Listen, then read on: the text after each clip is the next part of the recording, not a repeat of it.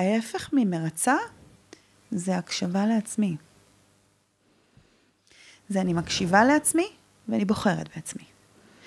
וכשאני מקשיבה לעצמי ובוחרת בעצמי, אז גם אם הצעד שאני אעשה לא ימצא חן בעיני אחרים והוא שלם בתוכי, אז רעידת אדמה לא תהיה, לא, אני לא ארגיש את הרעידת אדמה ברמה שהייתי מרגישה. אני הייתי במקום שפחדתי. להגיד לא, כי כאילו לא יאהבו אותי. אוקיי? okay? ולא לאהוב אותי, איך אפשר לא לאהוב אותי? גם הייתי במקום הזה בחיים. איך אפשר לא לאהוב אותי? אני הבן אדם הכי טוב, אני הכי נותן, אני הכי נמצאת, אני הכי בעשייה, אני הכי בהקשבה. איך אפשר לא לאהוב אותי?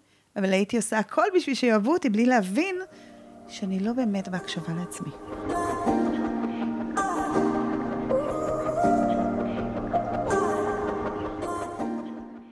ברוכות הבאות לפודקאסט מאישה לאישה מעבירות את חוכמת השבט.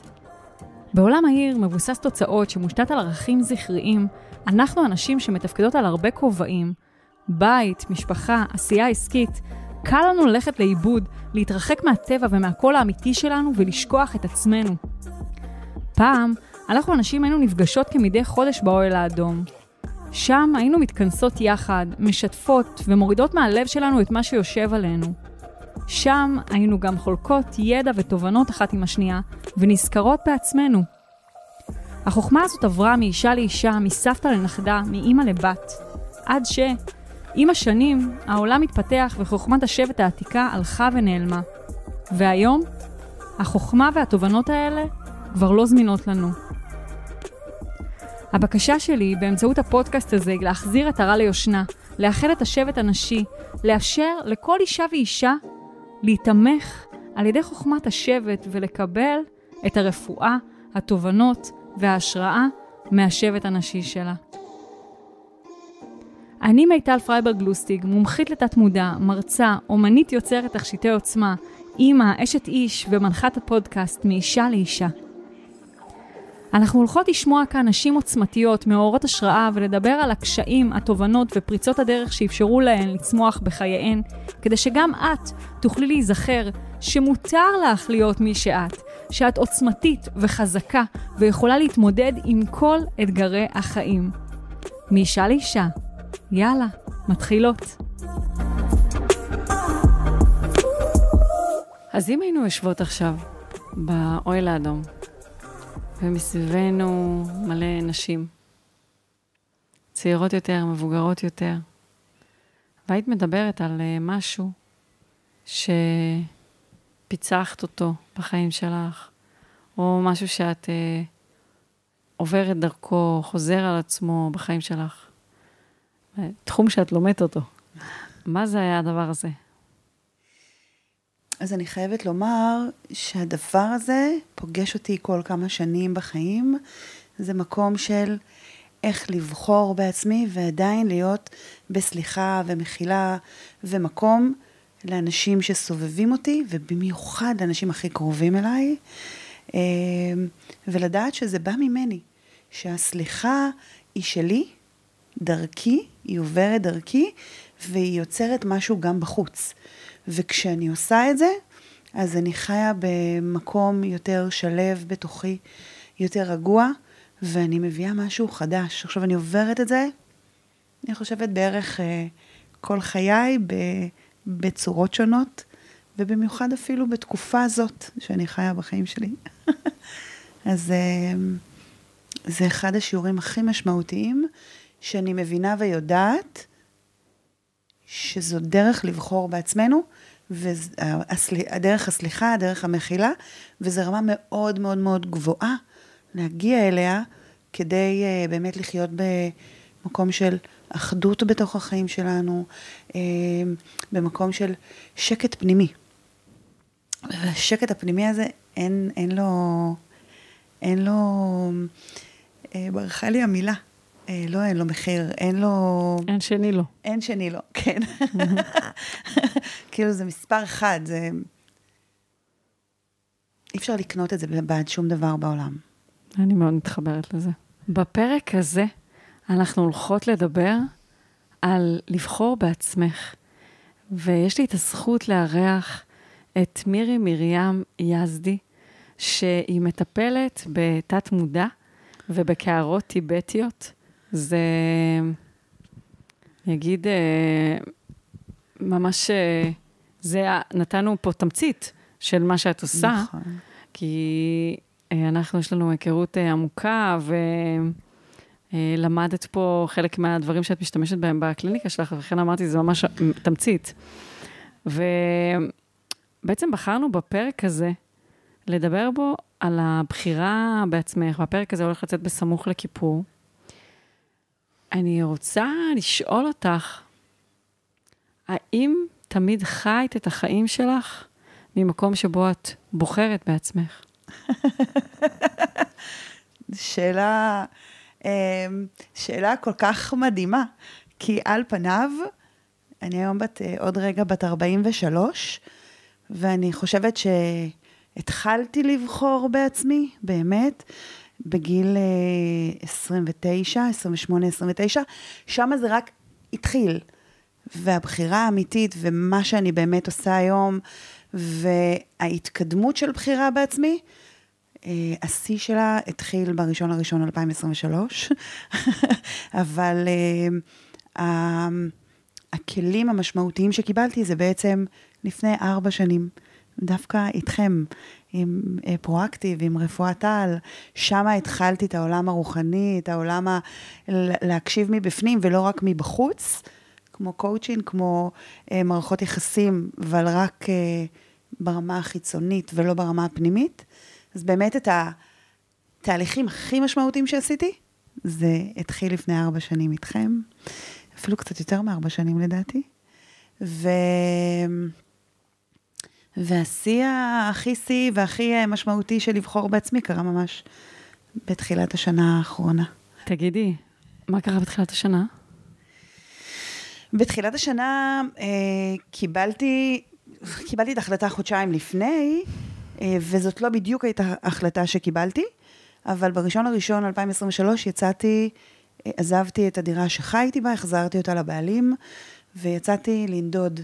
ילדיי, כל אחד אה, נמצא, יש לי ילדה בת 23, היא חיה עם החבר, והבן שלי כרגע עדיין עם אה, אימא שלי, אבל הוא עוד רגע מתגייס לצה"ל.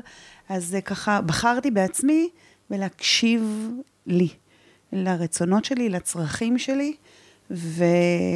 ולחיות רגע ממקום אחר, להיות אה, מחוברת לרצונות האמיתיים, העמוקים. אני, אני אפילו לא יודעת לתמלל את זה לפעמים.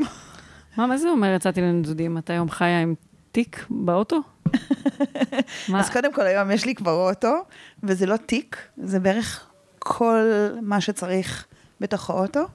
זה בגדים, זה כלי רחצה, זה אוכל, זה אה, הקערות הטיבטיות שלי, כמובן, כל הכלים של העבודה שלי נמצאים באוטו. הכל, כל מה שיש לך בארון ובבית, במיניאטורי בתוך האוטו. אה, כמובן שיש לי גם איזשהו מחסן של קיץ-חורף, שאפשר להחליף, כי אי אפשר להכיל באוטו הכל לגמרי.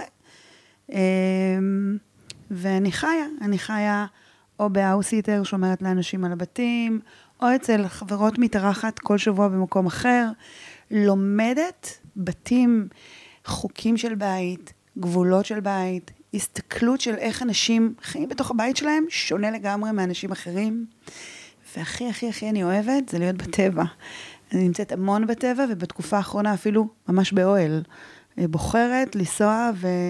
להיות כמה ימים באוהל עם עצמי, לבד, אה, תוך כדי גם עובדת, אה, זומים לרוב, או פרונטלי כשצריך ואפשרי, ובכל הארץ, כרגע. נשמע כמו לקפוץ בנג'י. תגידי, מה, מה גרם לך לקום יום אחד בבוקר ולהגיד, אני יוצאת לנדודים? זה קרה ביום אחד? לא, ברור. שום דבר לא קורה לנו ביום אחד.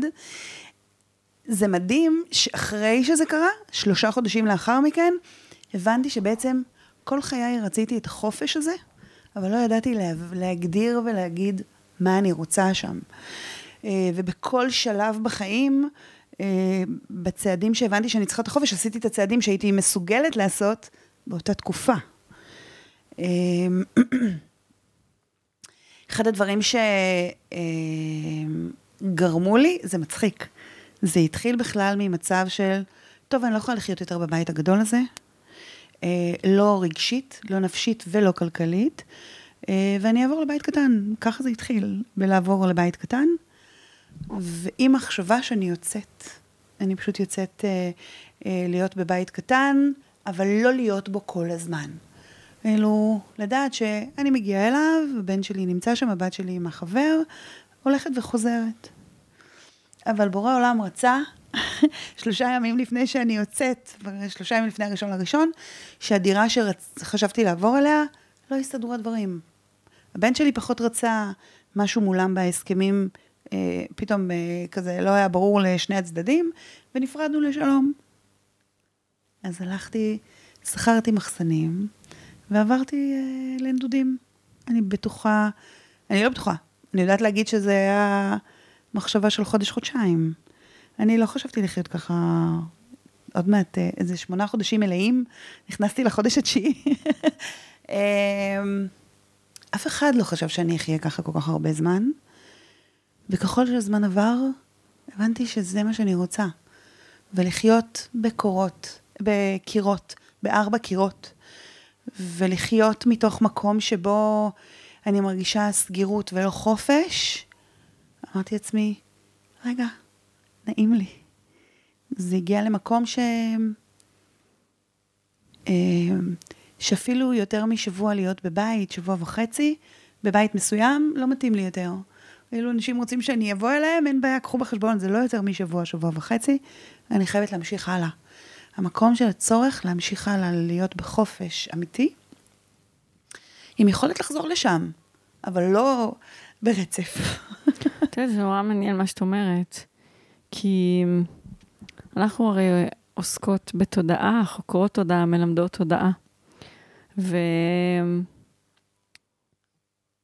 נורא מזכיר לי את הנסיעה שעשינו לפני כמה שנים להודו. זה היה בסמוך לכיפור. עשינו כיפור בהודו. זה היה איפה שהפכנו להיות הורים. בדרמסלה, שזה מקום שאני מתגעגעת אליו ברמות, שאני לא יכולה להסביר במילים אפילו. לחשוב שאני כאילו יואב את הודו זה הזיה, הרי את מכירה אותי, נכון? אבל אני פשוט הייתי שמחה לחזור לדרמסלה. והיה שם איזה... אני לא עשיתי לדנטה חיים קלים. הסטנדרטים שלי הם נורא גבוהים.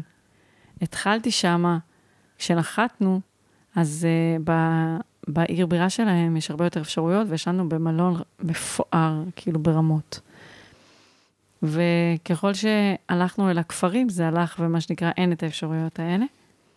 וכשהגענו לדרמסלה, אה, הגענו לאיזה מקום שהוא לא היה בסטנדרט שלי. ברגע עשיתי לדן חתיכת דרמה על המקום. ומה שקרה לי, זה כש... איך אה, חברה שלי ניסחה את זה, או זה לא, לא הייתה חברה, הייתה מישהי ש... איזה מטפלת בדרמסלה שהגעתי אליה כשעקבתי אחרי הסימנים. הרגשתי אבודה. וכשהגעתי לבית הזה, או לחדר הזה ששכרנו, שלא היה בסטנדרט שלי, הייתי בנקודת שבר רצינית. ואז כזה, בשיטוטים שם הגעתי, הגעתי למטפלת הזאת, ואז כזה היא אמרה לי, מה את רוצה? כאילו, את רק הגעת. זה כאילו, הנשמה שלך עדיין בישראל. את עדיין בכלל לא פה. אני חיפשתי להרגיש את החוויה הזאת של הביטחון, שאפשר להרגיש אותה בבית. ו...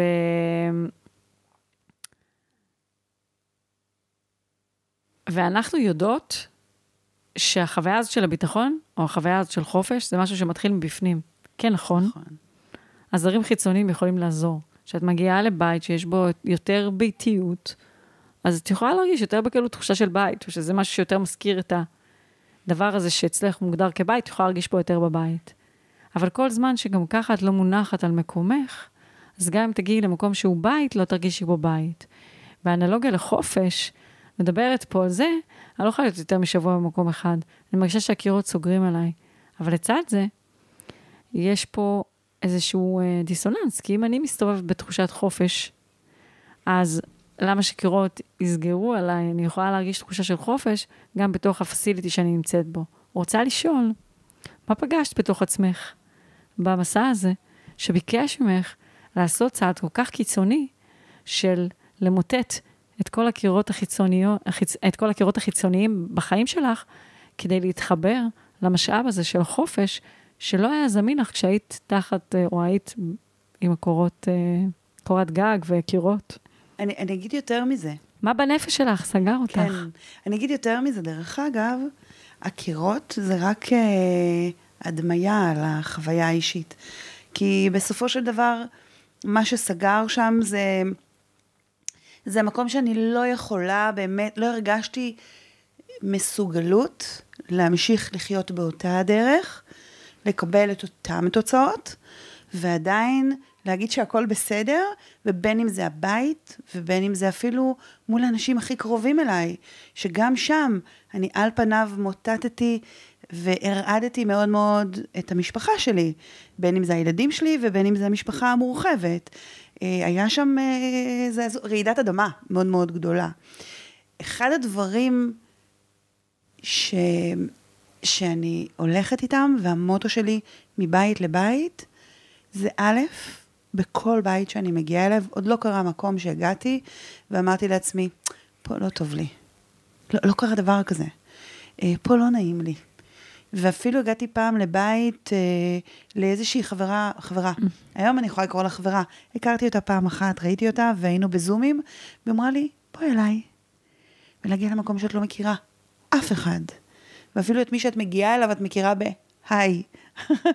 והיה שם אה, רגע אחד של, רגע, איפה הבית בתוכי כדי להיכנס לפה ולהרגיש את הבית? וזה, עם זה אני הולכת. לא משנה לאן אני מגיעה. אני מגיעה כשהבית הוא לא הקיר, הבית הוא פה. ואני מאוד בן אדם של אנשים, ושל חיבור, ושל אחדות, ואני מאוד מאמינה שכשאני שלמה פה במסע שלי, אז זה לא משנה לאן אני מגיעה. אני גם בחופש, אני גם ב... בבית ושלמות פנימית, אל מול המקום ששאלת, הקירות, למה הקירות סוגרים אליי?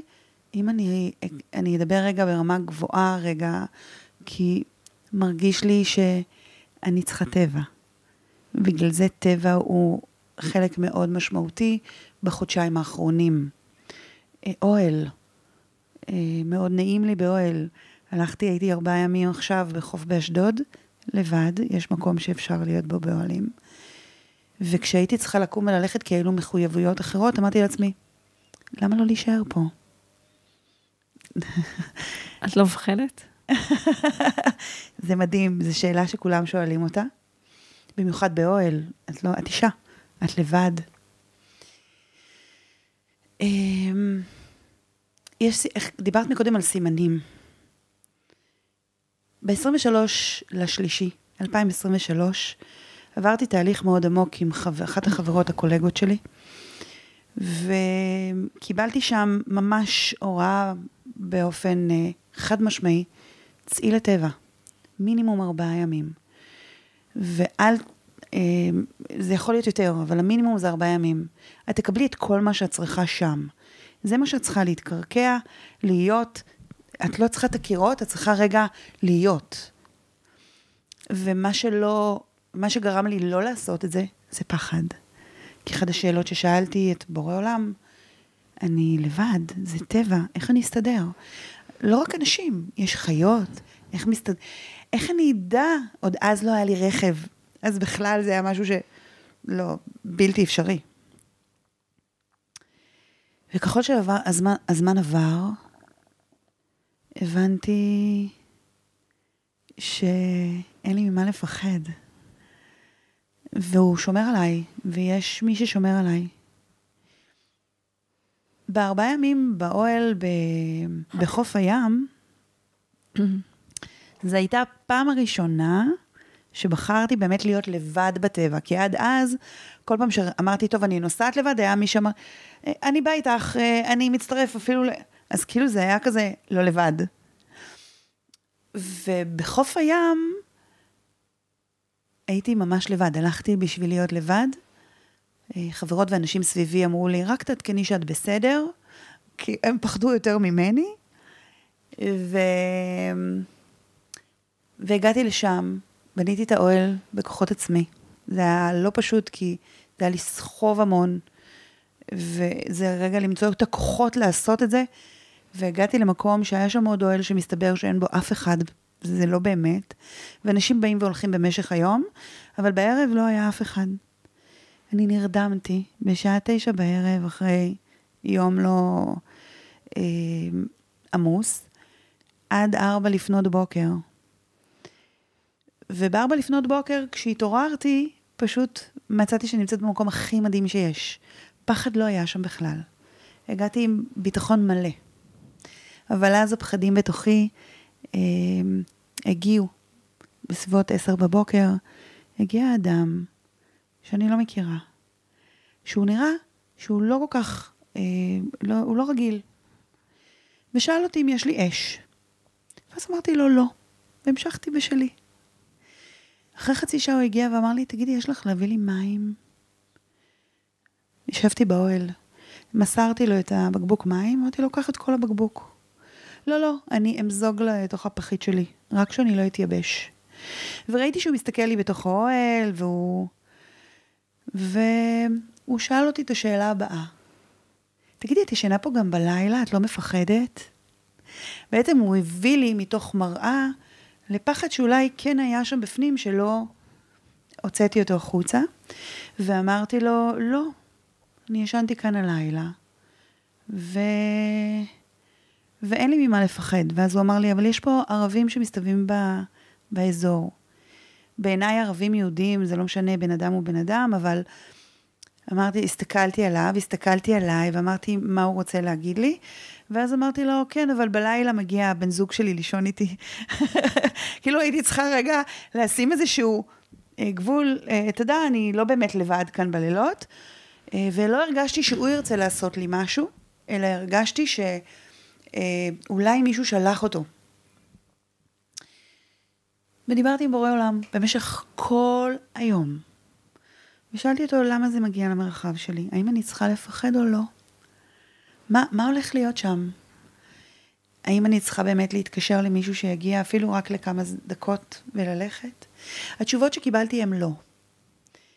אחד המינוסים, ואני מאוד אוהבת להיות אמיתית, כי אנחנו בסך הכל, גם כשאנחנו מלמדות תודעה, צריך לדעת ולהבין, אנחנו בני אדם. וגם אנחנו נפקפק לפעמים באינטואיציה ובמסרים, ואנחנו לא תמיד נהיה במקום שבו מצפים או חושבים שאנחנו צריכים להיות.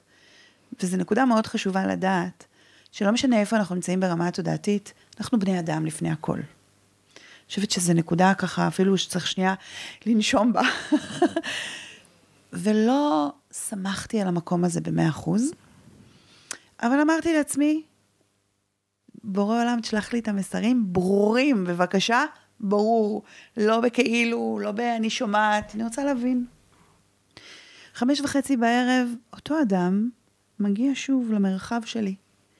מסתכל עליי, הולך, חוזר. ואז אני אומרת לעצמי, אוקיי, זה המסר שהתכוונת? אני צריכה לקרוא למישהו שיראו שאני לא לבד? יש לי חבר מאוד טוב שגר לא רחוק, 20 דקות ממני, התקשרתי, אמרתי לו, יש מצב שאתה מגיע לשעה, שעה וחצי והולך? הוא אומר לי, לא, חברים צריכים להגיע אליי, אני יכול לבוא ב-11 בלילה. טוב, מה אני עושה? מתקשרת לעירייה, שואלת אם יש פיקוח.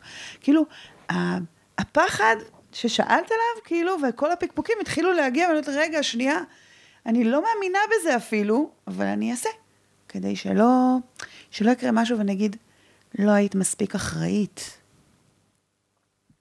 בכל זאת, בעיניי יש לי אחריות גם על עצמי, יש לי ילדים, יש לי משפחה, ואני אחראית גם על אנשים שנמצאים או צריכים להגיע לסביבה שלי ולתת להם את מה שאני רוצה לתת.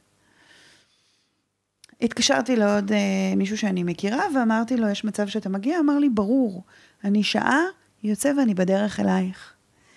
אני מנתקת איתו את הטלפון, ו...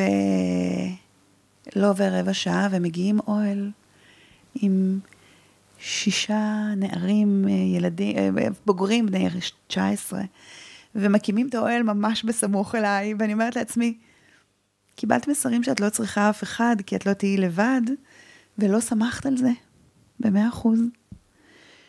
אל מול מקום של, אני לא כועסת על עצמי. איזה מזל שאני גם מקשיבה לפקפוקים האלה. אז כן, לשאלתך, פחד קיים. לפעמים יותר, לפעמים פחות. וכן, אני מאמינה בלהסתכל על הסימנים בדרך, להקשיב לאינטואיציה, ולבחון עם עצמנו האם באינטואיציה אה, שאני אה, מקשיבה לה, איך אני מרגישה מולה. ובאותו רגע הרגשתי צורך להתקשר, אז התקשרתי. ואם לא הייתי מתקשרת והאוהל לא היה מגיע, מה הייתי חווה אז? אז זה בסדר, להיות עם כל המקומות ביחד, ועדיין אה, להרגיש בטוחה. אמרת שההחלטה לצאת לנדודים הרעידה, אה, שקשקה, לא התקבלה אצל כל אחד מבני המשפחה שלך בצורה טובה. ואנחנו התכנסנו פה בעצם בפרק הזה כדי לדבר על הבחירה בעצמנו. אני מכירה אותך ואת סיפור חייך, ויודעת שיצא לך לקבל עוד כמה החלטות ששקשקו את קירות uh, הבית שלך, ובעצם uh, אפשרו לנשמה שלך לעבור דרך המסע הנשמתי שהיא בחרה לעבור ולהתפתח, וגם uh, כמו חלת, חרתה על דגלך את הערך הזה של הבחירה העצמית, ומתוך מקום של סליחה. Uh, בואי נדבר על זה. בואי נדבר על המקום הזה של התנועה של מאיפה יצאת בכלל. מאיזה חיים את יצאת? מתי יצא לך לשקשק את קירות הבית שלך קודם? אז אני היום קוראת לעצמי מירי מרים, אבל מאז ומתמיד קראו לי מירי. ומירי הקטנה, הילדה, הייתה תמיד הילדה הטובה, הילדה שמרצה, הילדה שרוצה שיהיה טוב לכולם. כי כשלכולם יהיה טוב, גם לי יהיה טוב. זו הייתה האמונה, ככה הלכתי המון שנים.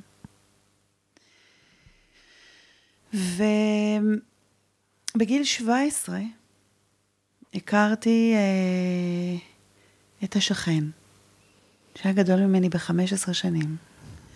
ועוד לפני שבכלל היינו ביחד, הרגשתי שאני ממש מתחברת אליו. וגיל 17, אז כאילו ישר מסתכלת על זה כהתאהבות.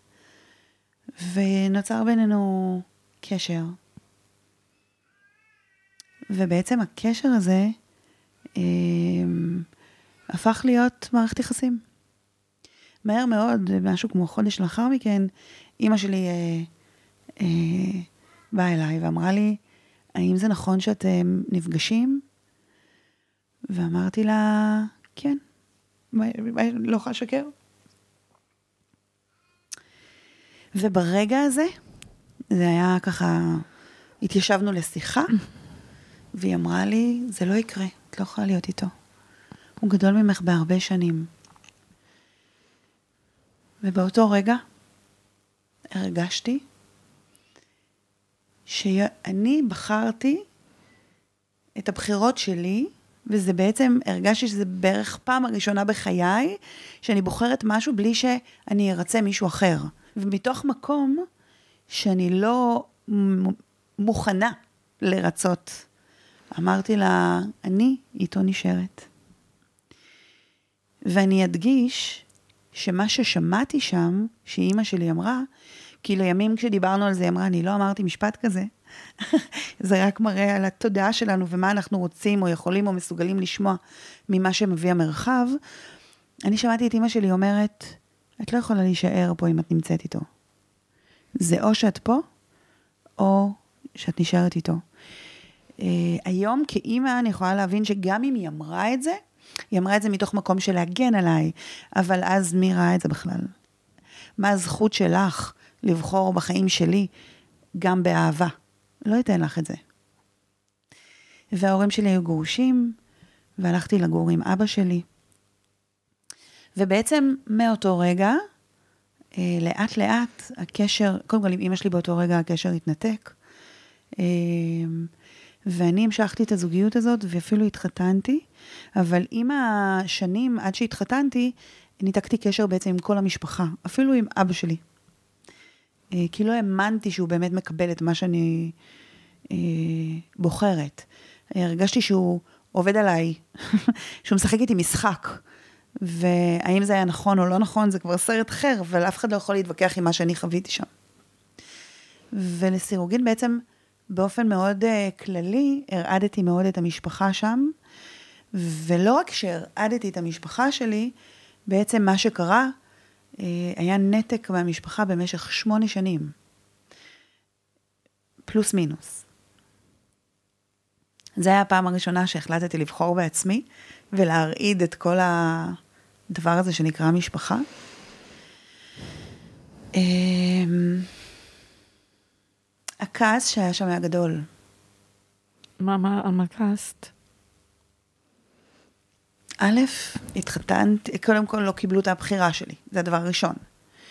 אמ, כעסתי על זה ש... יותר התאכזבתי. זה היה יותר אכזבה. אכזבה ו... ותסכול, למה אני לא יכולה, בסדר, אז הוא גדול, אבל אני אוהבת אותו ואני עושה את הבחירות שלי. זה לא משנה מה הביא את הבחירה הזאת. זה ממש לא משנה מה יגידו, ואנשים אמרו לי, טוב, הוא היה גדול ממך, אז הוא נתן לך ביטחון. זה לא משנה מה הוא נתן שם. מה שהוא נתן זה מה שהוא היה צריך לתת, וזה מה שהייתי צריכה, וקיבלתי את זה, ורציתי בזה. נקודה. יש לך שני ילדים ממנו. נכון. התחתנו, בחתונה אה, הגיעה רק אחותי הקטנה, ועוד אה, דוד שלי ואחות של סבתא. משפחה שלמה לא הגיעה, וברגע הזה, מבחינתי, זה כמו לקחת מסך שחור ושמת מול העיניים, ואי אפשר להיכנס לשם יותר. איך זה לחיות ככה את החיים שאין לך משפחה תומכת מסביבך? נולדים ילדים לעולם, יש לך ילדים קטנים, אין לך תמיכה. איך זה היה? את התמיכה קיבלתי על פניו, אה, באמת, אה, חמותי לשעבר, המהממת, עזרה לי כמה שיותר, וגם אה, האחיות של הגיסות השתדלו מאוד. אני בן אדם של אנשים, אז בקלות אנשים באמת, היה לי נעים איתם והרגשתי שאוהבים אותי. זה לא אותו דבר כמו שאת מרגישה עם המשפחה שלך. למרות שעוד פעם, אני אומרת, הם נתנו לי להרגיש הכי משפחה. אמ, היה חוסר אל מול אגו וכעס ואכזבה מאוד גדולים, כי אני לא הסכמתי להם להיכנס לחיים שלי. כי כשאני ילדתי את הבת שלי הגדולה, הייתי חודשיים לפני גיל 20. אחיות שלי הגיעו עם פרחים לבית החולים. אני סגרתי את הווילונות במקרה, ושנינו יודעות שאין דבר כזה מקרה. מישהו מהמשפחה של, אה, של אה, אבי ילדיי יצא למסדרון ואמר לי, אוי, תראי, החיות שלך מגיעות, בשמחה גדולה אמרו לי את זה, כן? ואמרתי להם, תסגרו את הווילונות, והם לא יראו לא אותי ולא את הבת שלי. כזה כעס היה לי. מסתבר בדיעבד שאימא שלי גם הייתה למטה, ובמשך השנים ניסו ליצור איתי תקשורת, זה לא שלא.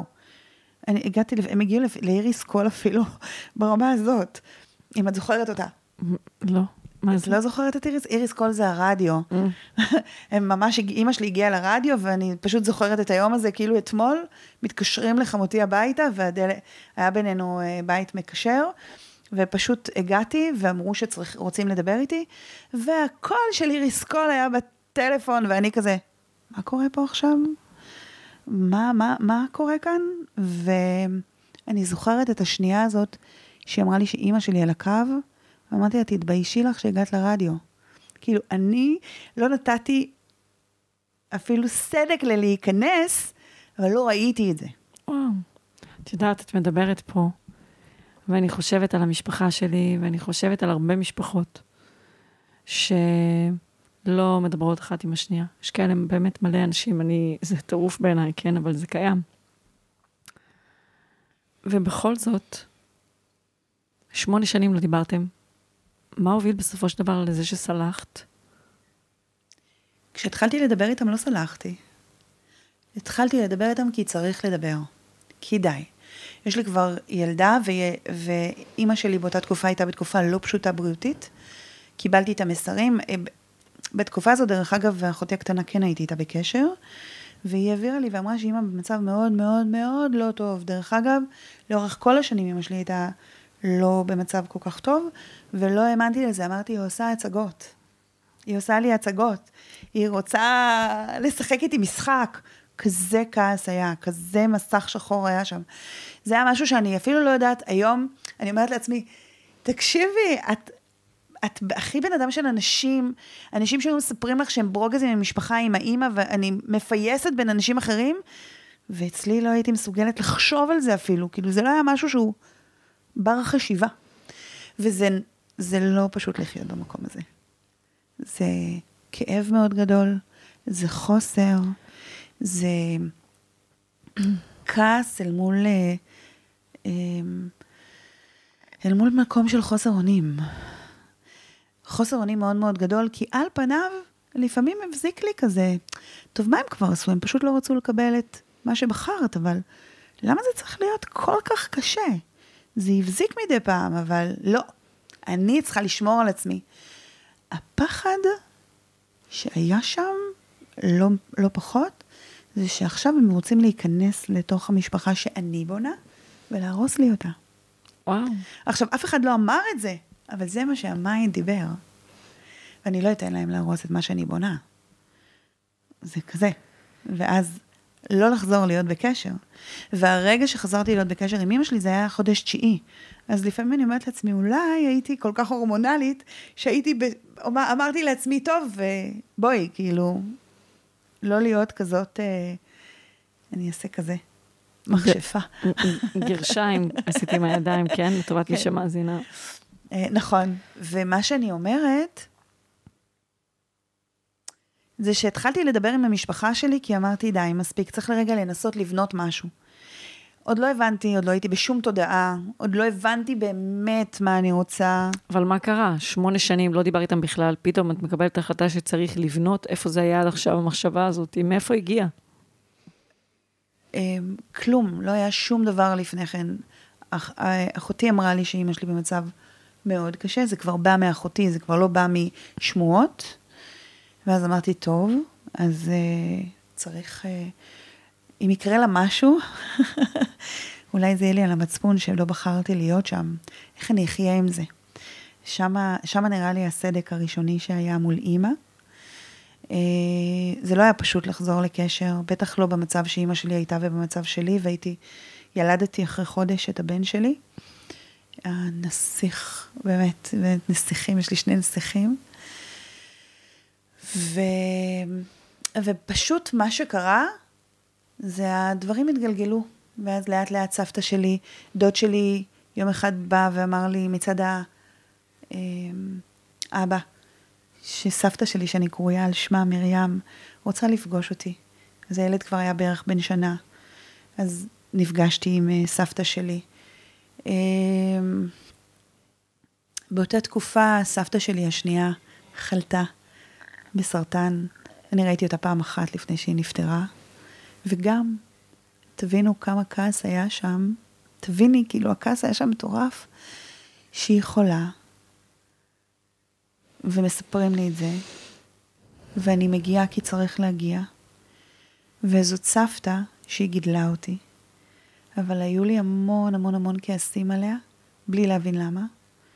אל מול סבא שאני מאוד מאוד מחוברת ואוהבת אותו, עד היום הוא חי, תודה לאלוהים. ואני מגיעה לשם עם לב סגור. היא עומדת למות, ואני מגיעה עם לב סגור, רק בשביל לסמן וי שראיתי את סבתא שלי לפני שהיא הולכת לעולמה. וואו. היום כאילו אני מדברת איתך על זה, אני חושבת שזו פעם ראשונה שאני מספרת את זה. אני כאילו, איך, איך הייתי, איך עשיתי את זה? כאילו, איך זה יכול להיות? אז מה קרה בסופו של דבר שסלחת? בגיל 28 הבנתי שכמו שאני חיה לא טוב לי. לא ידעתי מה לא טוב שם. ידעתי שאני, אושר לא קיים באמת בחיים שלי. אה, עבדתי עם המון נשים, שכל הזמן אמרו לי שמה שאני עושה זה לא מספיק. ובחרתי, זו הבחירה הבאה בעצמי, ללכת ללמוד. למרות שחשבתי שאני הבחורה הכי טיפשה בעולם, שאני לא מסוגלת ללמוד. ובאותה תקופה הלכתי ללמוד קואוצ'ינג. קיבלתי המון כלים. והכי רציתי לקחת את הבית שבניתי ולשמור עליו. זה הדבר שהיה לנגד עיניי. לצערי הרב, אה, הלימודים האלה זעזעו לא מעט, ואב ילדיי הבין שהדרך שבה אני בוחרת לבחור היא שונה ממה שחיינו עד היום, ו... והוא לא מוכן לקבל את זה. אבל אני לא מוכנה לחזור אחורה. ושם התחיל המסע שלי. את השתנית, הוא הרגיש מאוים מהשינוי? יכול להיות, הוא לא אומר את זה, אבל אני לא, ואני לא אכניס לו מילים לפה. אז את השתנית, ובעצם זה הרעיד. הרעיד, שוב, הרעיד את כל ה... את המבנה הקיים. בדיוק. ובעצם מה שקרה, אה, שבחרנו להיפרד. זה יותר הייתה בחירה שלי. אני מודה, כאילו, כשאני אמרתי זה לא יקרה, והבנתי שאין לי מי לעבוד, וזה הבחירה. אני לא אגיד שלא ניסיתי, אנחנו ניסינו המון בשנים שהיינו ביחד, היינו עשר שנים ביחד. היינו נשואים עשר שנים, ו... ופשוט עזבתי. עזבתי אל הלא נודע. זה מדהים, כאילו אני אומרת את זה עכשיו, וזה מה שעשיתי בראשון לראשון. זה כל פעם, לח... אני חוזרת ללא נודע ולחוסר ודאות. לקחתי את שני הילדים שלי, עברתי לשכירות. אמ, ובחרתי לחיות, אני ושני הילדים, כש... אימא שלי לא באמת במצב בריאותי טוב. אה, אבא שלי, אני כבר בקשר איתו, אבא שלי ואשתו, אנשים שבאמת תמכו בי. אחד הדברים שאני זוכרת ששמרתי בקנאות, זה ביום שבחרתי לקום ולעזוב, אף אחד לא ידע. המשפחה שלי לא ידעה. שבוע לפני התקשרתי לאבא שלי ואשתו, אני צריכה עזרה שתעזרו לי, אני עוברת דירה, תעזרו לי לנקות את הבית. ואשתו של אבא שלי אישה מאוד חדה. בדברים האלה, ואז היא שאלה אותי האם אני עוברת לבד או שאני עוברת ביחד. ואז אמרתי לה שלבד, ושם הבנתי שיש לי תמיכה ואנשים שרוצים להיות לידי. שם התחילה ההבנה שאני לא אהיה לבד באמת. ומתוך הכלים שקיבלתי וההתפתחות שעברתי, הבנתי ש... שלא, ש... שעשיתי את הדברים בחיים שלי מכוח האנרציה, כי ככה צריך. ונושא הסליחה, אמ, פתאום התחיל לעלות, כי כשאנחנו עושים התפתחות, לא משנה באיזה סדנה וקורס נעשה, תמיד יהיה שם משהו שקשור לסליחה. תמיד. ופשוט התחלתי לחקור את הנושא הזה. ועברתי עוד תהליך ועוד תהליך ועוד סליחה, ולא הבנתי כמה כעס היה לי על ההורים שלי, אבל הכעס הכי גדול שהיה, זה על עצמי. למה? למה כעסת עלייך? על הבחירות שבחרתי. Mm. על הדרך. שתקופה מאוד ארוכה בחיים לא בחרתי בעצמי, לא אהבתי את עצמי. חשבתי על עצמי דברים מאוד מאוד מאוד קשים. אמ, כעסתי על עצמי שהייתי ילדה מאוד סגורה. אה, והבאתי את זה הלאה, כן? הילדה המרצה לא הפסיקה אחרי שבאתי להורים שלי, אמרתי, אני שמה לכם גבולות. אני המשכתי להיות הילדה המרצה, בין אם זה עם אב ילדיי, עם המשפחה שלו, עם הסביבה החדשה שבניתי, ועם הילדים שלי אפילו. זה לא, זה היה חלק ממני. וזה היה כעס מאוד גדול אה, על עצמי. תגידי, מה ההפך ממרצה? וואו, שאלה מדהימה. אה, ההפך ממרצה זה הקשבה לעצמי. זה אני מקשיבה לעצמי ואני בוחרת בעצמי. וכשאני מקשיבה לעצמי ובוחרת בעצמי, אז גם אם הצעד שאני אעשה לא ימצא חן בעיני אחרים והוא שלם בתוכי, אז הרעידת אדמה לא תהיה, לא, אני לא ארגיש את הרעידת אדמה ברמה שהייתי מרגישה. אני הייתי במקום שפחדתי להגיד לא, כי כאילו לא יאהבו אותי. אוקיי? okay? ולא לאהוב אותי, איך אפשר לא לאהוב אותי? גם הייתי במקום הזה בחיים. איך אפשר לא לאהוב אותי? אני הבן אדם הכי טוב, אני הכי נותן, אני הכי נמצאת, אני הכי בעשייה, אני הכי בהקשבה. איך אפשר לא לאהוב אותי? אבל הייתי עושה הכל בשביל שיאהבו אותי, בלי להבין שאני לא באמת בהקשבה לעצמי. את יודעת, שאלתי אותך, מה ההפך למרצה? את אמרת, הקשבה לעצמי. אני כיוונתי למורדת. זה... או, כן. זו תשובה, זו תשובה נכונה, הקשבה לעצמי.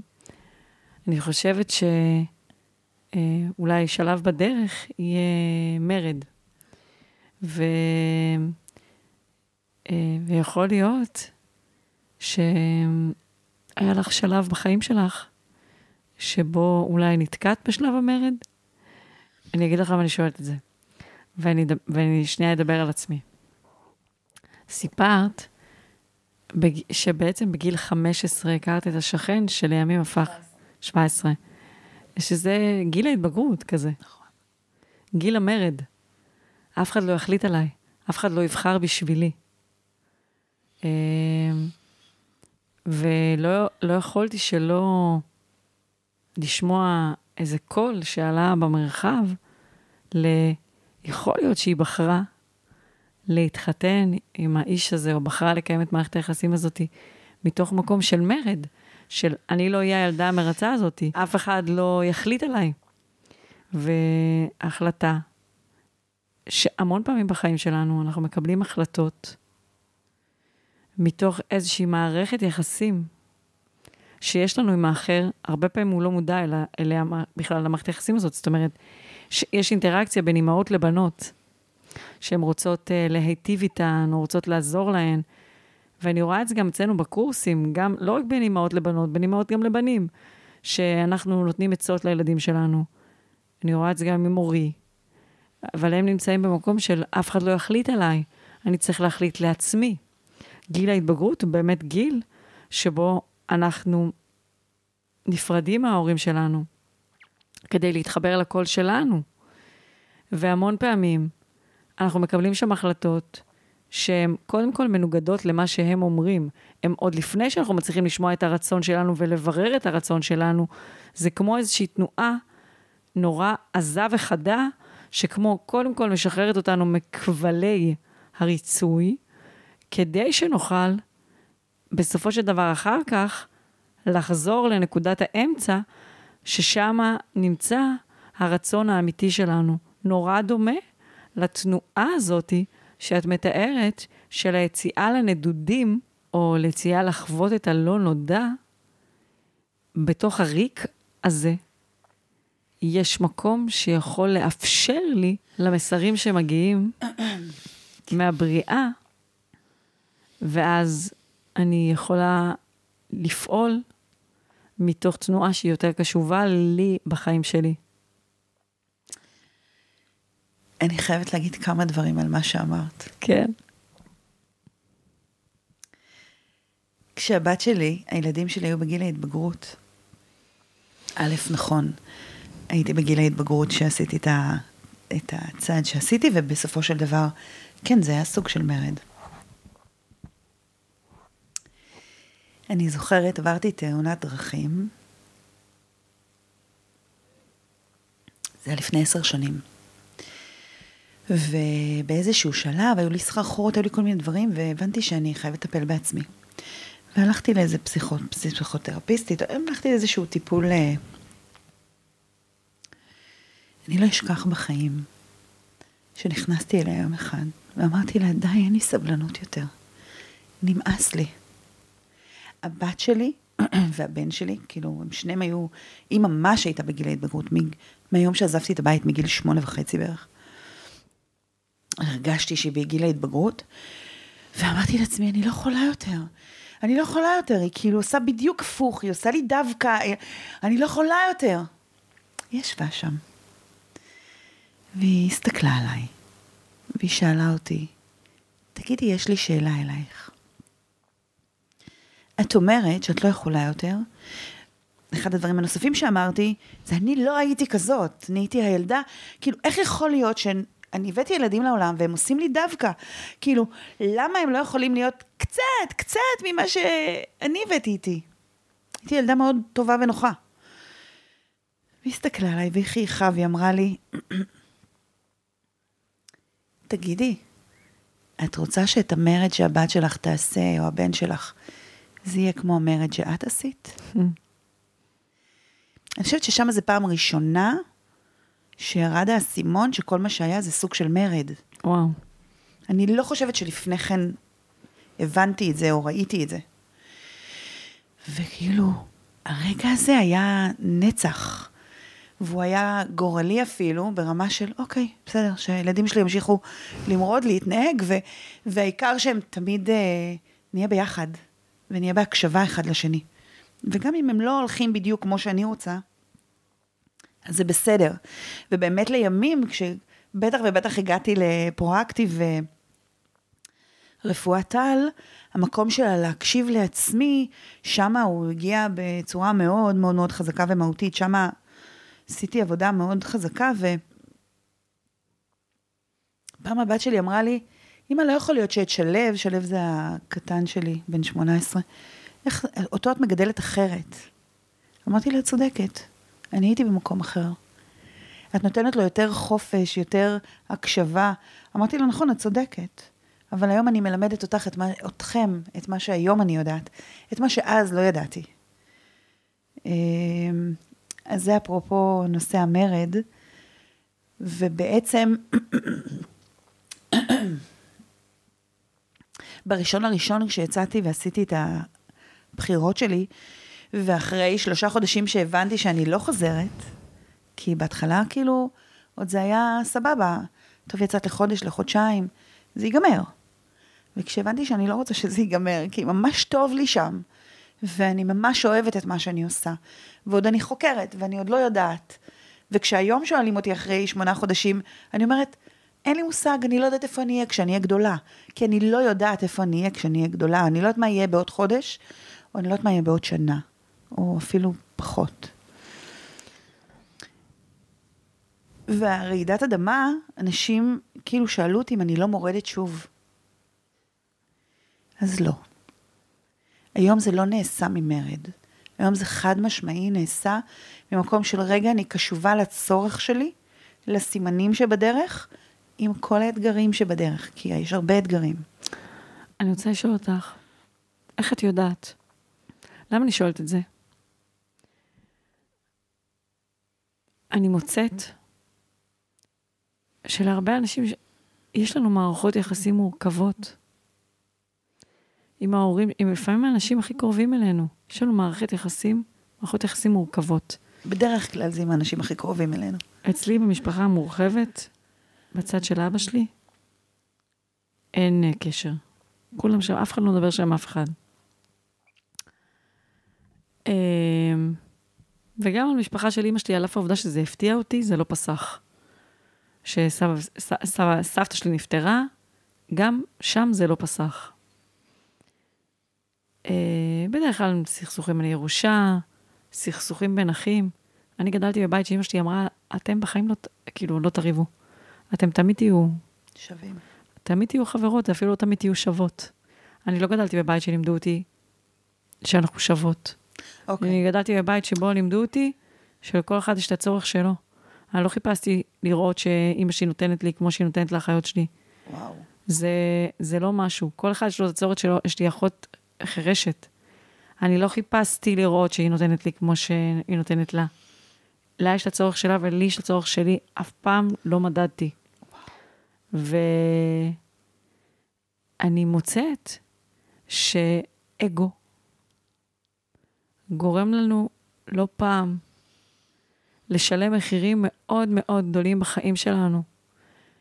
אה, את יודעת, בקורס פרואקטיבי אני תמיד אומרת שלהאשים מישהו אחר, זה כמו להחזיר כדור אש ביד מתוך מטרה להשליך אותו על מישהו אחר. כשאני מחזיקה כדור אש ביד, קודם כל אני זאת שנשרפת. איזה מחירים עם יד על הלב, את שילמת בחיים שלך על שמונה שנים של נתק מאימא ומהאחיות שלך, אחותך.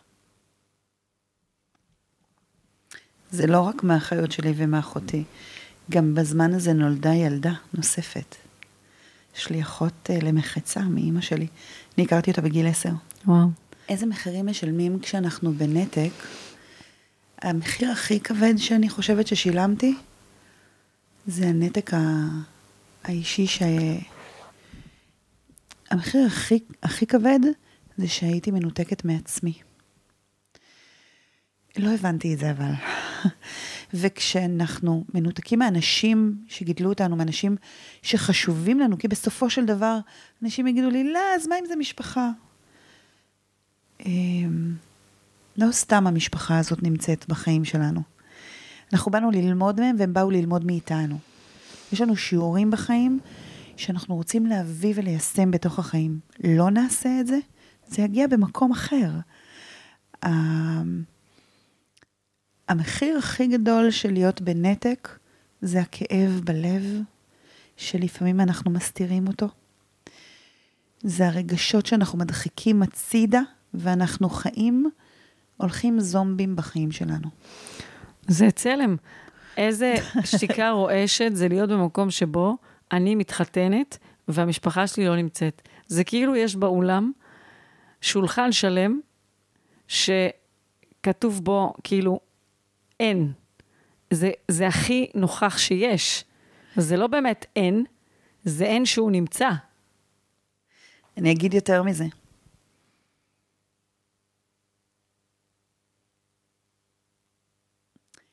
אני בתוך תוכי ידעתי שהמשפחה לא תגיע, והניתוק בתוך, בחתונה שלי מעצמי היה כל כך גדול, ש... שהיחידה שעוד איכשהו, כאילו, בחתונה עצמה, כן? היה לי כעס עליה ולא היה לי זכות לכעוס עליה. אני חושבת שאפילו לא יודעת את זה. זאת אחותי בקטנה, שהגיעה לחתונה, אבל היא הגיעה לשעה והיא הייתה צריכה ללכת. והכעס שלי עליה היה שאני אחותך, את הגעת, תקשיבי, הייתה בת 15, כן? ועכשיו את הולכת? כאילו, את כבר פה. אז תישארי. ושם האכזבה הייתה כל, עוד יותר גדולה, וכשאנחנו מדברות על זה, אני יכולה להגיד לך כמה מנותקת הייתי מעצמי כבר אז. מהרגשות שלי, מה, איך אמרת, אשמה כלפי חוץ עם הכדור אש, אני האשמתי את כל העולם ואשתו. אני לא ראיתי לרגע במה אני לא בסדר. והאמת, אני לא חושבת שיש שם בסדר ולא בסדר. אבל לא ראיתי אותם. הכי גרוע זה שלא ראיתי אותי. תגידי, את מלמדת היום אנשים לסלוח. נכון. למה?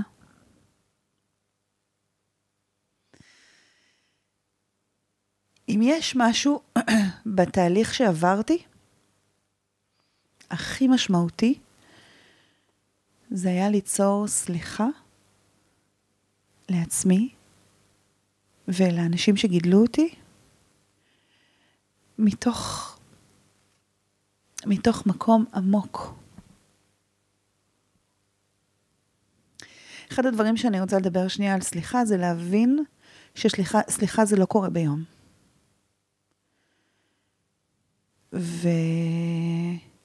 וסליחה זה תהליך מתמשך.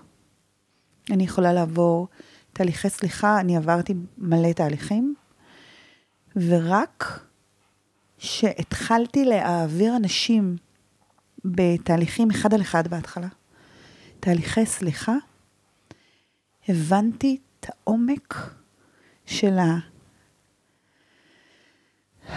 אני כאילו מתרגשת, זה כאילו כל כך עוצמתי, אני מרגישה את זה מבפנים. של התהליך הזה, אבל לא בשביל להגיד סליחה, ולא מתוך צריך להיות בסליחה, ולא אה, מתוך מקום שבו מצפים את זה ממני. אלא ממש לעשות תהליך שבו אנחנו בכלל מבינים, כי אחד הדברים שאנחנו לא מבינים, זה על מה אנחנו צריכים לסלוח לעצמנו. את שאלת אותי מקודם, על מה את לא סולחת לעצמך? יש אנשים שבכלל לא מבינים שהם כועסים קודם על עצמם. הרי בסופו של דבר אנחנו יודעות שכל מה שיש לנו בחוץ זה מראה לבפנים. והתהליך הראשוני של להבין על מה אני כל כך נמצאת בכעס, ולמה כשאני מחזיקה את הכעס ואת האגו ואת האכזבה ואת התסכול, אני סובלת ממנו. אנחנו לא מבינים שאנחנו סובלים כשאנחנו לא בסליחה. בטח, כי אנחנו עסוקים במה שאחר עשה לנו. נכון. ואנחנו אנחנו כל כך עסוקים במה שהוא עשה לנו, שאנחנו לא מבינים במה אנחנו, כועס, מה אנחנו לא בסדר, עזבי את הצד השני, מה אנחנו לא בסדר איתנו. מה אנחנו עושים לעצמנו? לגמרי. ו... וכשהלבנים מתחילים ליפול, ויש תהליך מאוד עמוק שאנחנו רגע אה, מרעידים שם את הקרקע, ומתחילים ליצור איזשהו, סליחה לנו, זה רגע מתחיל להיות איזשהו משהו שלם יותר, משהו שקט יותר מבפנים. שוב, אנחנו יכולים לסלוח כל פעם ב, ב, ברובד מסוים. וזה בסדר, צריך להבין, אנחנו בתהליך. אנחנו לא הפכנו להיות לא סולחים ברגע. זה תהליך שהיה גם קודם. לא פחות חשוב בסליחה, זה להבין את הרגשות שלנו. להבין מה בכלל אנחנו מרגישים. מה אנחנו לא מרגישים, מה אנחנו לא רוצים להרגיש. מה הרגשות שאנחנו דוחקים פנימה ברמה שלא מהיום, מהעבר.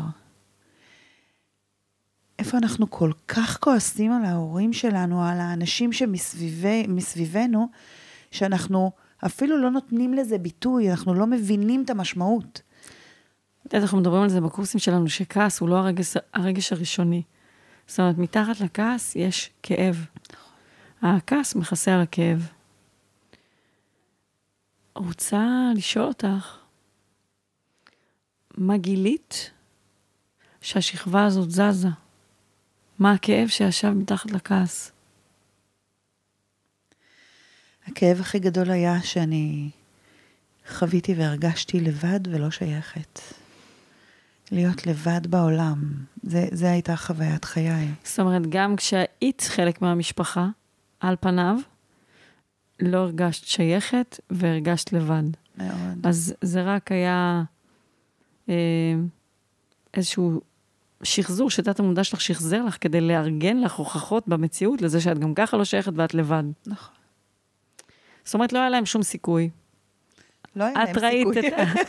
את ראית אמרתי את ה... גם קודם. את ראית המציאות דרך העיניים הילדיות, שדרך העיניים של, אה, בוא נגיד, את התסריט כתבה הנשמה,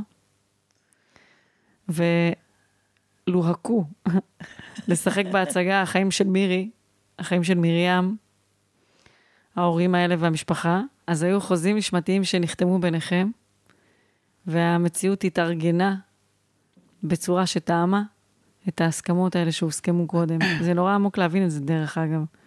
כי זה ממש אה,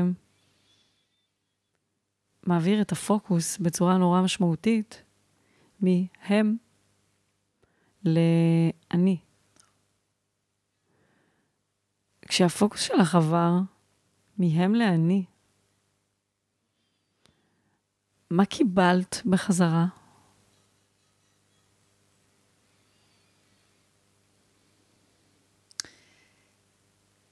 אני קיבלתי אותי. אני התחלתי להכיר מי אני באמת. אני חושבת שעד, אפילו עד לא מזמן, לא באמת, אני חושבת שאנחנו אף פעם לא יודעים מי אנחנו באמת. בואי רגע שנייה, בוא נשים את זה. ובערך, ב, בעצם בכל צעד ושלב בחיים שלי, הבנתי מי, מי אני היום. מי שאני היום זה לא מי שהייתי לפני ארבע שנים, עשר שנים, עשרים שנה. לא, אני לא. אני רק נראית אותו דבר חיצונית, אבל במהות שלי, אני לא.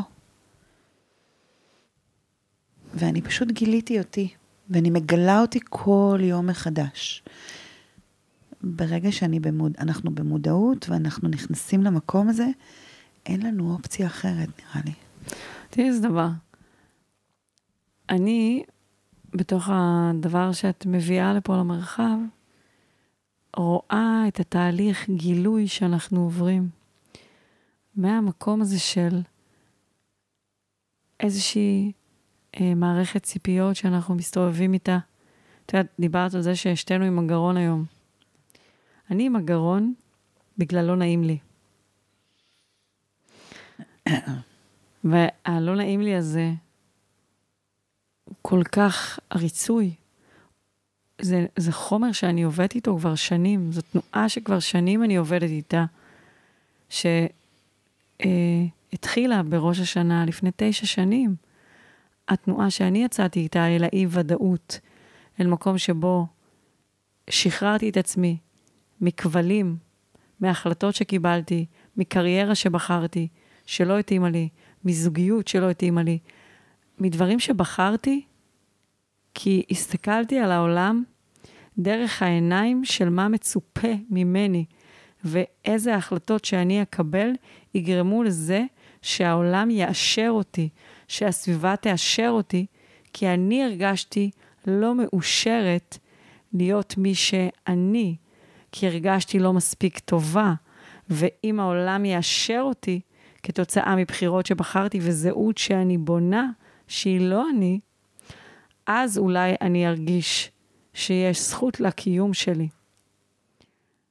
השגתי את כל הדברים האלה, וכבר הזהות הזאת שחשבתי שאם אני אחוז בה, אז אני אהיה זכאית לאישור הזה, ועדיין לא הרגשתי מאושרת, לא הרגשתי את האישור הפנימי הזה אה, להיות, ולא הרגשתי שיש לי תחושה של חופש או תחושה של שלווה.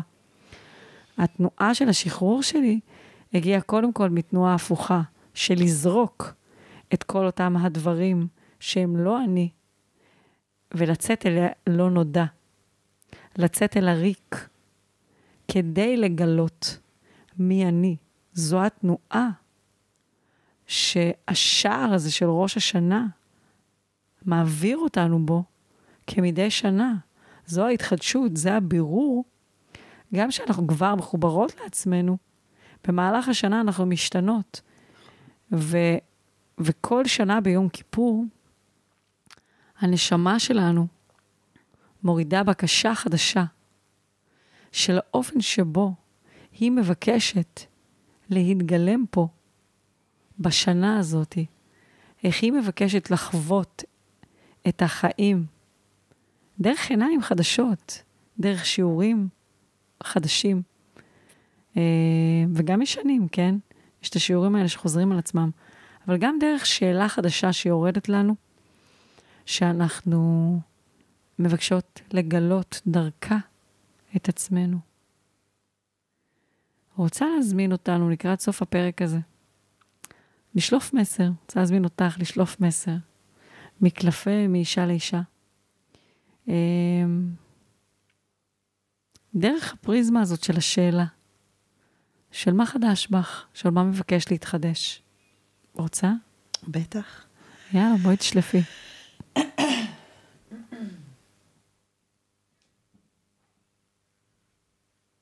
אוי, וואו. ראיתי, ראיתי, הצצתי. ראית? הצצת לי ככה. להקריא? כן. כתובה גדולה נכתבה על בשרך, לוחות הברית שנשברו, ואותם את נושאת להזכיר לכל העולם כי השבור הוא השלם. רעות אורה. תקשיבי, זה חזק. אוי, יש לי צמרמורת, את רק הקראת את זה ויש לי צמרמורת. זה ממש ממש חזק. כן. זה חזק כי... מקווה שאימא שלי לא תכעס שאני אומרת את זה, אבל... אה,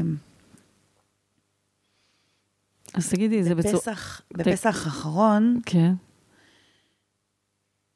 אמ, אימא שלי אמרה לי, למה את מפרקת לי שוב את המשפחה?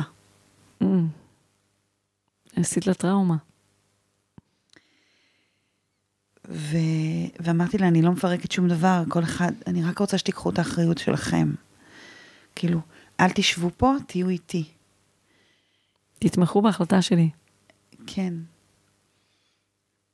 והיא מדהימה שהיא אמרה את זה, כי אני הרגשתי שזה מה שהיא חווה. ובעצם מה שהקלף הזה לוקח זה, מבחינת, ה, אני חושבת, מבחינת המשפחה, הם הרגישו שבר מאוד מאוד גדול, כי אני באיזשהו מקום הייתי דבק מאוד גדול, דבק, מנהיגה של המשפחה.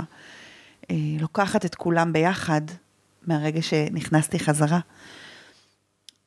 ואז להגיד, להזכיר לעולם שהשבור הוא השלם, זה לקחת את כל הדבר הזה שאתם קוראים לו שבור, או אנחנו קוראים לו שהוא שבור, וליצור שלם, של כל אחד שלם בפני עצמו, וביחד אנחנו שלם אחד גדול.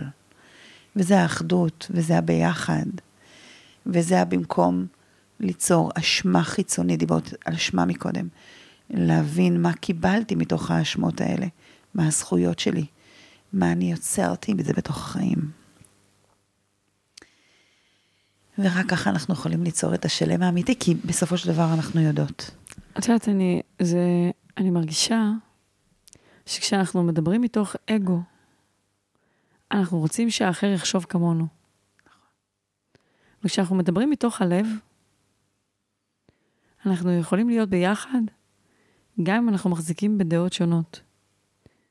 ויכול להיות שמירי, מרים המרצה, רצתה לקבל אישור מהמשפחה שלה, שמקבלים אותה, גם אם היא בוחרת אחרת, ונמצאים איתה ותומכים בהחלטה שלה, גם אם לא מסכימים עם הבחירה.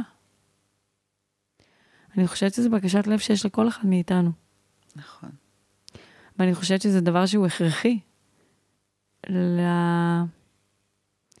ליחד שלנו, שאחדות המגוון, נסכים לא להיות מאוימים מאנשים שמחזיקים בדעה שהיא שונה משלנו, גם הקרובים לנו ביותר, גם אם בוחרים ללכת בדרך שאנחנו לא מבינים, אולי היא לא מוכרת לנו. כשאני יצאתי לדרך שלי, שהובילה אותי בסופו של דבר למקום שבו אני מונחת היום, ישובה על מקומי, בחרתי ללכת בדרך שמעטים הולכים בה. היא לא הייתה סלולה. אני הייתי צריכה לסלול אותה בעבור עצמי. כשאת הולכת בדרך כזאת ואת נמצאת בלא, ב, במקום של אי-ודאות, אחד הדברים הצולבים זה השאלות. כי אין לך תשובות חותכות. אין לך תשובות חד משמעיות. גם ככה את מלאת ספקות, ואת כרגע בשיח עם הבריאה. ואנשים סביבך, יש להם את הפחדים שלהם, והם גם הד לפחד שלך. זה נורא מערער. אחד הדברים החשובים שתמכו בי במסע שלי להגיע לחוף מבטחים, היה אנשים שליוו אותי בדרך. גם המנטורים שבחרתי לי, אבל גם הסביבה שבחרתי לשים את עצמי בתוכה. כי אם הייתי נשארת סמוכה כל כך לקולות הפחדים והספקות שלי, אני לא חושבת שהייתי מצליחה להגיע אל הארץ המובטחת. יכולה להבין אותך. אנחנו קרובות לסוף הפרק הזה, ואני רוצה לשאול אותך, טוב, אנחנו מדברות פה על סליחה ועל חשיבות של סליחה, על המחירים שאנחנו משלמים בחיים שלנו כשאנחנו לא סולחות, על כמה, דרך אגב, אני אגיד, כשחזרת לקשר איתם, היית מופתעת מהדברים שהם אמרו ומהפרספקטיבה שלהם ומהצד השני? אני בחר, אנחנו בחרנו, אחת הבחירות שעשינו, לא יודעת להגיד אם זה טוב או רע, בחרנו לא לדבר על העבר. בחרנו לא לדבר על מה שהיה, ופשוט לפתוח דף חדש. האם היום, במקום שבו את מונחת, את יכולה לראות את הדברים מתוך נקודת מבטם? לגמרי. לגמרי. האם את יכולה לראות שזה לא הייתה איזה קנוניה להרע לך? חד משמעית. רוצה לשאול אותך, אנחנו מדברות על סליחה. טוב, גם אם השתכנעתי שאני רוצה לסלוח, זה בא עם עצה פרקטית? מה הצעד הראשון שאני יכולה לעשות כדי להתחיל תהליך הסליחה? הדבר הראשון שאנחנו צריכים להתחיל, זה להבין שמה שיש לנו היום לא טוב. שהחיים לצד התסכולים והאכזבות, לצד המקום של כעס פנימי שאנחנו לא תמיד יודעים להסביר אותו, זה חיים של בדידות. זה חיים שאנחנו לא ברוגע אמיתי. וכשאני, כשהתובנה הראשונה הזאת יורדת, אני אומרת, אוקיי, בוא נתחיל, בוא נראה מה הצעד הבא.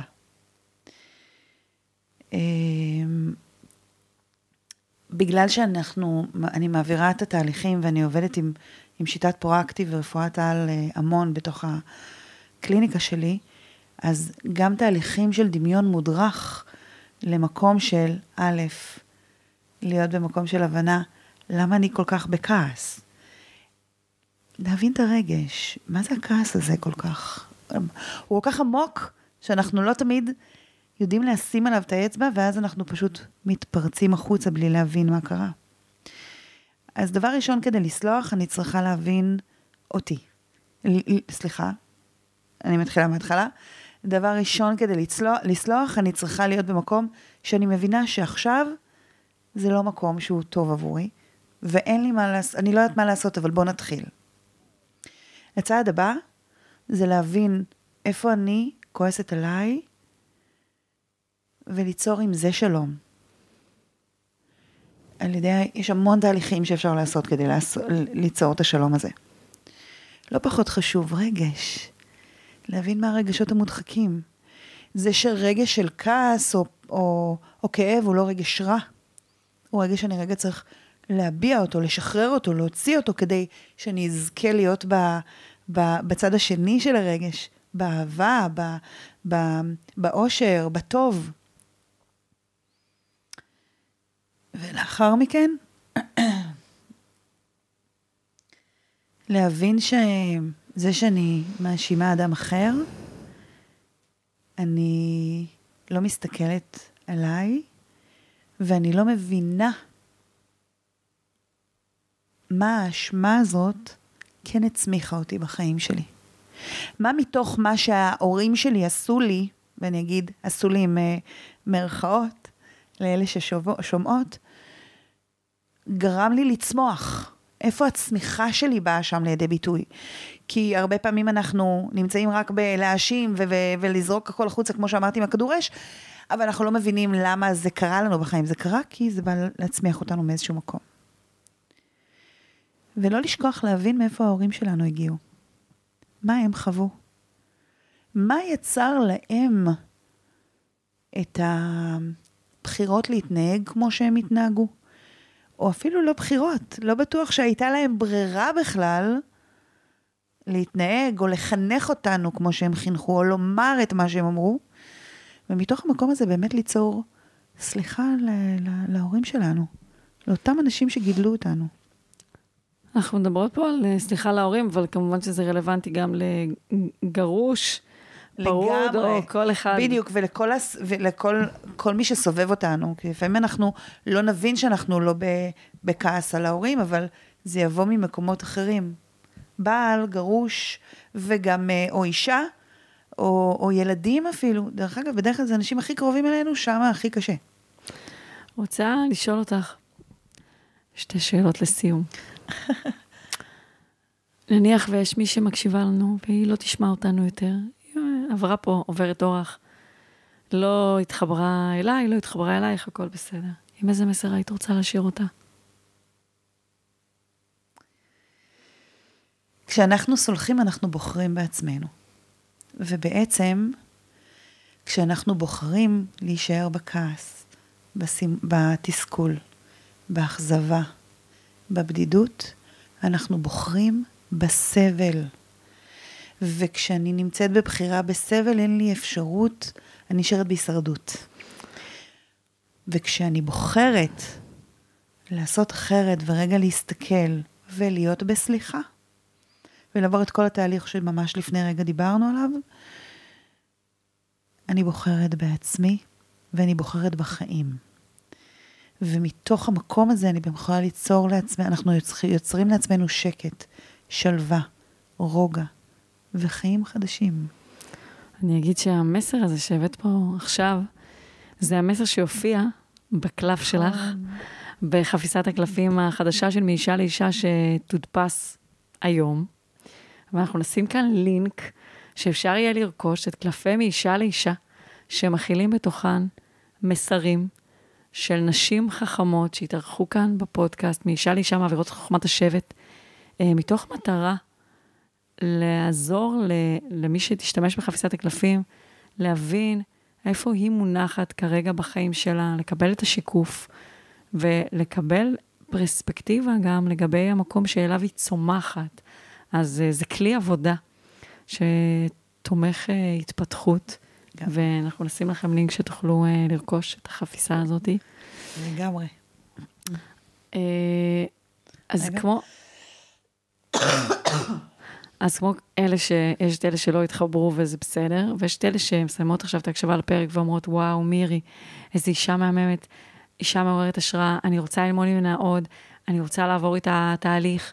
איך, איך אפשר לשמוע ממך עוד? אז קודם כל, אפשר לעקוב אחריי אה, בפייסבוק, באינסטגרם, במדיה. אה, ובאמת אה, לראות, אני עושה המון המון דברים, בין אם זה סדנאות יומיות, ובין אם זה סדנה של סליחה, פרופר, מאוד משמעותית, וכל מה שאמרתי, ממש עוברים תהליך משמעותי. וכמובן, כמובן, כמובן, תהליכים אחד על אחד, בכל הארץ. מבחינתי, כמו שאתם יודעים, אני גם נודדת וגם בזום, יש לנו אחלה כלי. אמ, אה, בגוגל. אנחנו נשים כישורים. מדהים. אז אני רוצה לסכם את הפרק הזה לטובת המאזינות שלנו שאוהבות שאני מסכמת להם. אז קודם כל, בפרק הזה דיברנו על הבחירה בעצמנו. גם לדבר על סליחה, מבחינתנו, סליחה היא אמצעי. זה כלי שרת, שנועד לאפשר לנו לחיות חוויית חיים יותר שלווה ויותר טובה בחיים שלנו. מירי חלקה איתנו את סיפור מעורר ההשראה שלה, על אשמה שהיא החזיקה במשך שמונה שנים, שאפשר להגיד, ניהלה את חייה. כי כשאנחנו מחזיקות איזשהו, איזושהי אשמה למישהו, או בוחרות להוציא אותו מהחיים שלנו, זה לא באמת שהוצאנו אותו מהחיים שלנו, זה להפוך אותו הכי קרוב והכי נוכח, זה כמו לשים סלע בסלון הבית שלנו, ולנהל איתה שיחה יומיומית בתוך הראש שלנו, בלי שבאמת, אז יש לנו סלע בסלון של הבית, ואנחנו מנהלות איתו מערכת, עצמה, מערכת יחסים מתוך מקום של אגו, ובעצם הבן אדם הראשון שנפגע מהאשמה הזאת שאנחנו רוצות uh, להשליך על האחר, זה אנחנו. אנחנו. כשאנחנו בוחרות לסלוח, אנחנו בוחרות לעשות את זה מתוך מקום שמבין שמי שמשלם את המחיר היקר ביותר זה אנחנו, ולא האחר. אה, דיברנו פה על זה שסליחה הוא תהליך, ואני מוסיפה שכשאני מלמדת, אני מלמדת שהתהליך הזה מתחיל ברגע של בחירה לסלוח. כי כשאני בוחר לסלוח, כמו כל החלטה שאני מקבל, דרך אגב, בחיים שלי, הבריאה מביאה לי מימון אנרגטי שיכול לעזור לתהליך הזה להתחיל לקרות בחיים שלי. כל בחירה, כל בחירה. בחירה, בחירה להתפטר ממקום העבודה, בחירה לצאת לחופשי, בחירה לסיים מערכת יחסים, הבחירה שלעצמה גורמת לתמיכה היקומית להגיע, והתמיכה היקומית הזאת זה כמו הרוח הגבית או הגל הזה, שמאפשר לתהליך הזה לקרות. אה, ודיברנו פה על אי ודאות ועל סימנים שמגיעים בדרך ועל השער הזה של ראש השנה וכיפור, שמאפשר לבקשה החדשה של הנשמה שלנו לרדת. ואני אגיד גם, בסופו של דבר, שכשאנחנו בוחרות לסלוח, אנחנו מפנות הרבה אנרגיה תקועה, שתקועה במרחב שלנו ותקועה בגוף שלנו, ופתאום חוויית החיים שלנו משתנה לחלוטין. רוצה להגיד לך, אה, מירי, מרים יזדי, תודה על פרק מרתק. תודה עלייך, על היותך. תודה על החברות שלנו, כבר שנים אנחנו מכירות. ואת מטפלת מדהימה, והפליתי אלייך מלא אנשים, וכל פעם שאני מפנה אלייך אנשים, אני רק מקבלת אה, חיזוקים לכמה מטפלי פרואקטיב ורפואת על, מטפלים מצוינים, אז אה, איזה כיף אה, להיות חתומה עלייך. רוצה באמת להגיד לך תודה על האומץ שלך. את אישה אמיצה, ותודה על האומץ לחקור ולשתף מהשיעורים שאת לומדת. תודה לך. תודה, תודה על מי שאת, קודם כל. קודם כל, זה שהזמנת אותי, זה ריגש אותי ממש. ועל הדרך שאני עוברת איתך, איתכם, היא מרגשת, היא מלמדת, אה, היא דגל מאוד משמעותי בחיים שלי, ו, ואני מלאת הערכה אה, ואהבה. גם לך וגם לדן. ואני אגיד שתודה שבורא עולם פג... הפגיש אותי איתכם בפייסבוק, בפרואקטיב, לפני ארבע וחצי שנים. איזה כיף. תודה. לסיום. ולסיום סיומת. לסיום, אני רוצה לתת לך מתנה. וואי, תודה. בבקשה לך. זה המסר של התכשיט שאת הולכת לפתוח. וואו. הענקתי לך את עגילי האלה. ועגילי האלה זו איכות שבעצם מאפשרת להתחבר להבנה של המקצב הטבעי ולתבונה שהטבע בעצם מלמד אותנו. אני יכולה לעשות ככה? לתהליכי הגאות והשפל, לתהליכי המוות והלידה, ולתחושה של התמיכה והביטחון שאנחנו מקבלים כשאנחנו מחוברות לטבע, אותה תחושה שתיארת פה כל כך יפה. את יודעת, כשאנחנו לא מחוברות למקצב הטבעי של החיים, המון פעמים אנחנו יכולות להרוס לעצמנו. כי אנחנו ככה. דוחפות חזק מדי כשהגיע הזמן להרפות, או אנחנו אוחזות כשהגיע הזמן לשחרר. כשאנחנו מחוברות לתבונה הזאת, הרבה יותר קל לנו לרתום את כוחות הטבע לטובת בנייה מדויקת של דברים בחיים שלנו. וואו, תקשיבי, זה מרגש, זה הפתעת אותי ממש. ו... ואני ממש מרגישה שזה מדויק למה שאני צריכה, חובה וחיה. אז מה שחזק בתכשיטי עוצמה זה שהם ממש פותחים את הפוטנציאל הזה בשדה שלך. מדהים, תודה. אפשר לחבק אותך? בטח, עוד שנייה אני נפרד- אני נפרדת מהמאזינות שלנו. רוצה להגיד לכם תודה רבה על היחד שלנו. אם אהבתן את הפרק הזה, אני מזמינה אתכן, אה, דרך אגב, אם אתן רוצות למצוא את הגילי הגיל- האלה, אז, תרש... אז תיכנסו לאתר שלנו לתכשיטי העוצמה, ושם תוכלו אה, לראות את הגילי האלה.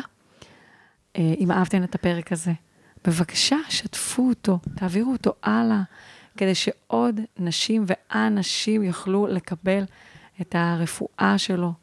אה, אני מאחלת שיהיה, אה, שיהיה חג אה, משמעותי, שיהיה צום קל למי שצמה, ושיהיה ממש ריפוי משמעותי שנסכים לקבל ולעבור בשער הזה הנורא משמעותי שאנחנו עוברות בו. נתראה כאן בפרק הבא. ביי.